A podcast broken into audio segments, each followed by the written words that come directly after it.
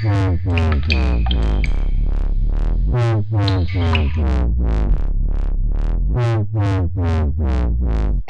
viss selga mér, teobeivvi raafis juurdaad naibuengastid. Iitjameera paarud stuutset keegi ei võsta. Pukte kattai vaelduvun aipaseemis. see uhit ritma i e deset. Mu vaimu tjolkarna sajum. Ah, tsimerra.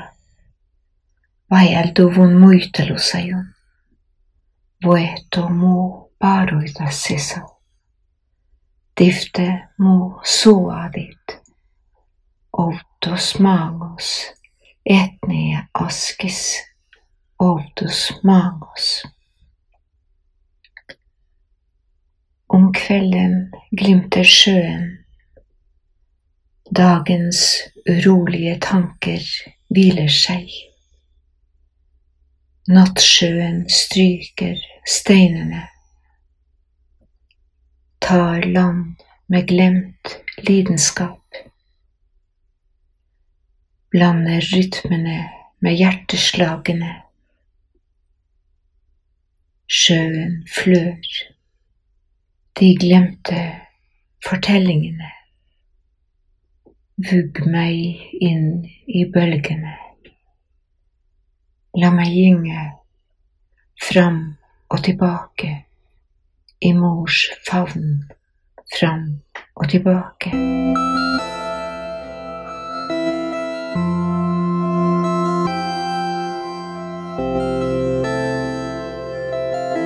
Jeg heter Synnøve Persen.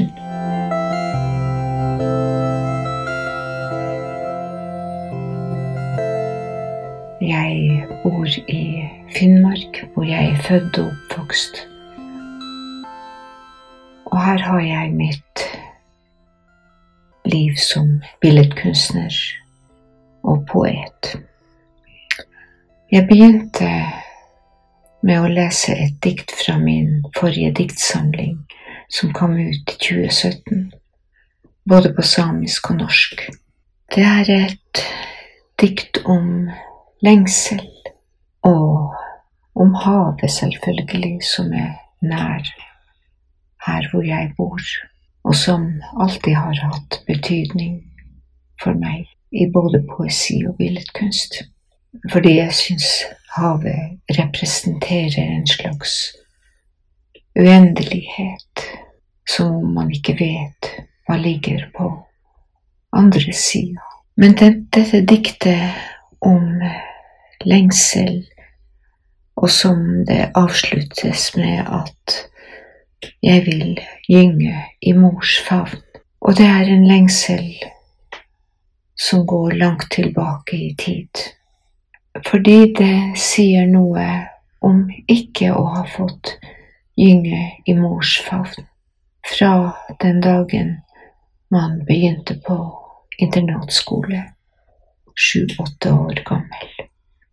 Det var en eh, dramatisk hendelse å flytte fra et samisktalende hjem inn i en norsk hverdag.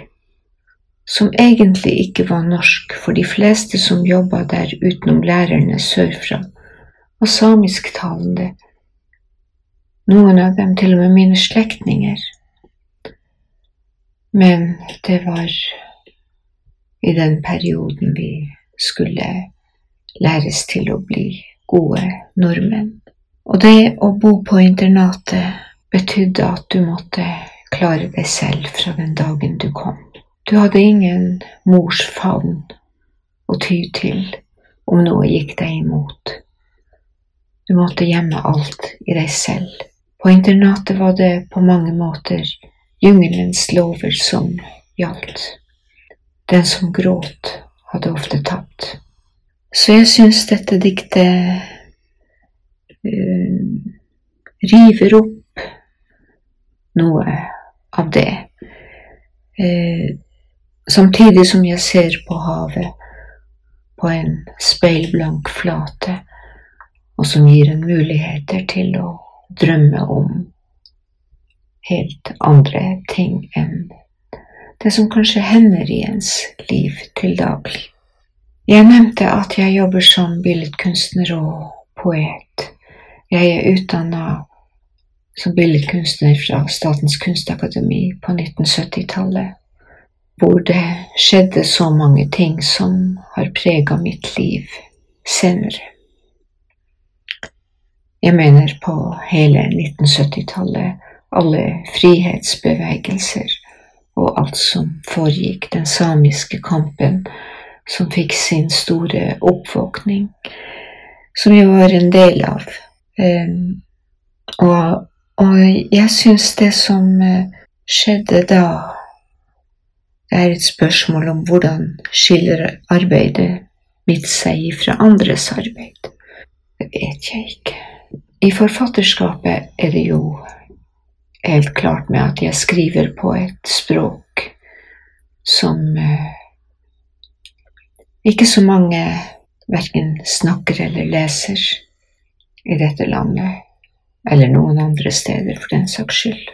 Det er spesielt, og det var det som skjedde på 1970-tallet med at uh, vi som var de unge samer den gang, vi som hadde begynt å studere, tok tilbake vårt eget språk, som skolen gjorde sitt ytterste for å ta ifra oss.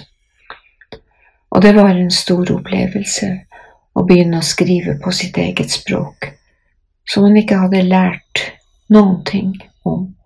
Samisk er jo utrolig forskjellig fra norsk språk, for eksempel.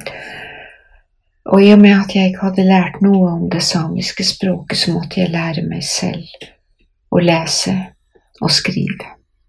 På lydspråket er også veldig forskjellig ifra skrift, skriftspråket.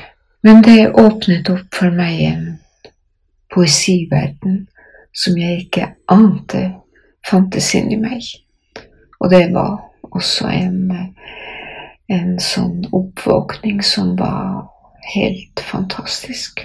Fordi at når du tar tak i språket, så vekkes minner og bilder fra barndommen som man hadde gjennomgått så mye for at skulle bli glemt gjennom hele fornorskningsprosessen. Og jeg ga ut min første diktsamling i 1981 på samisk.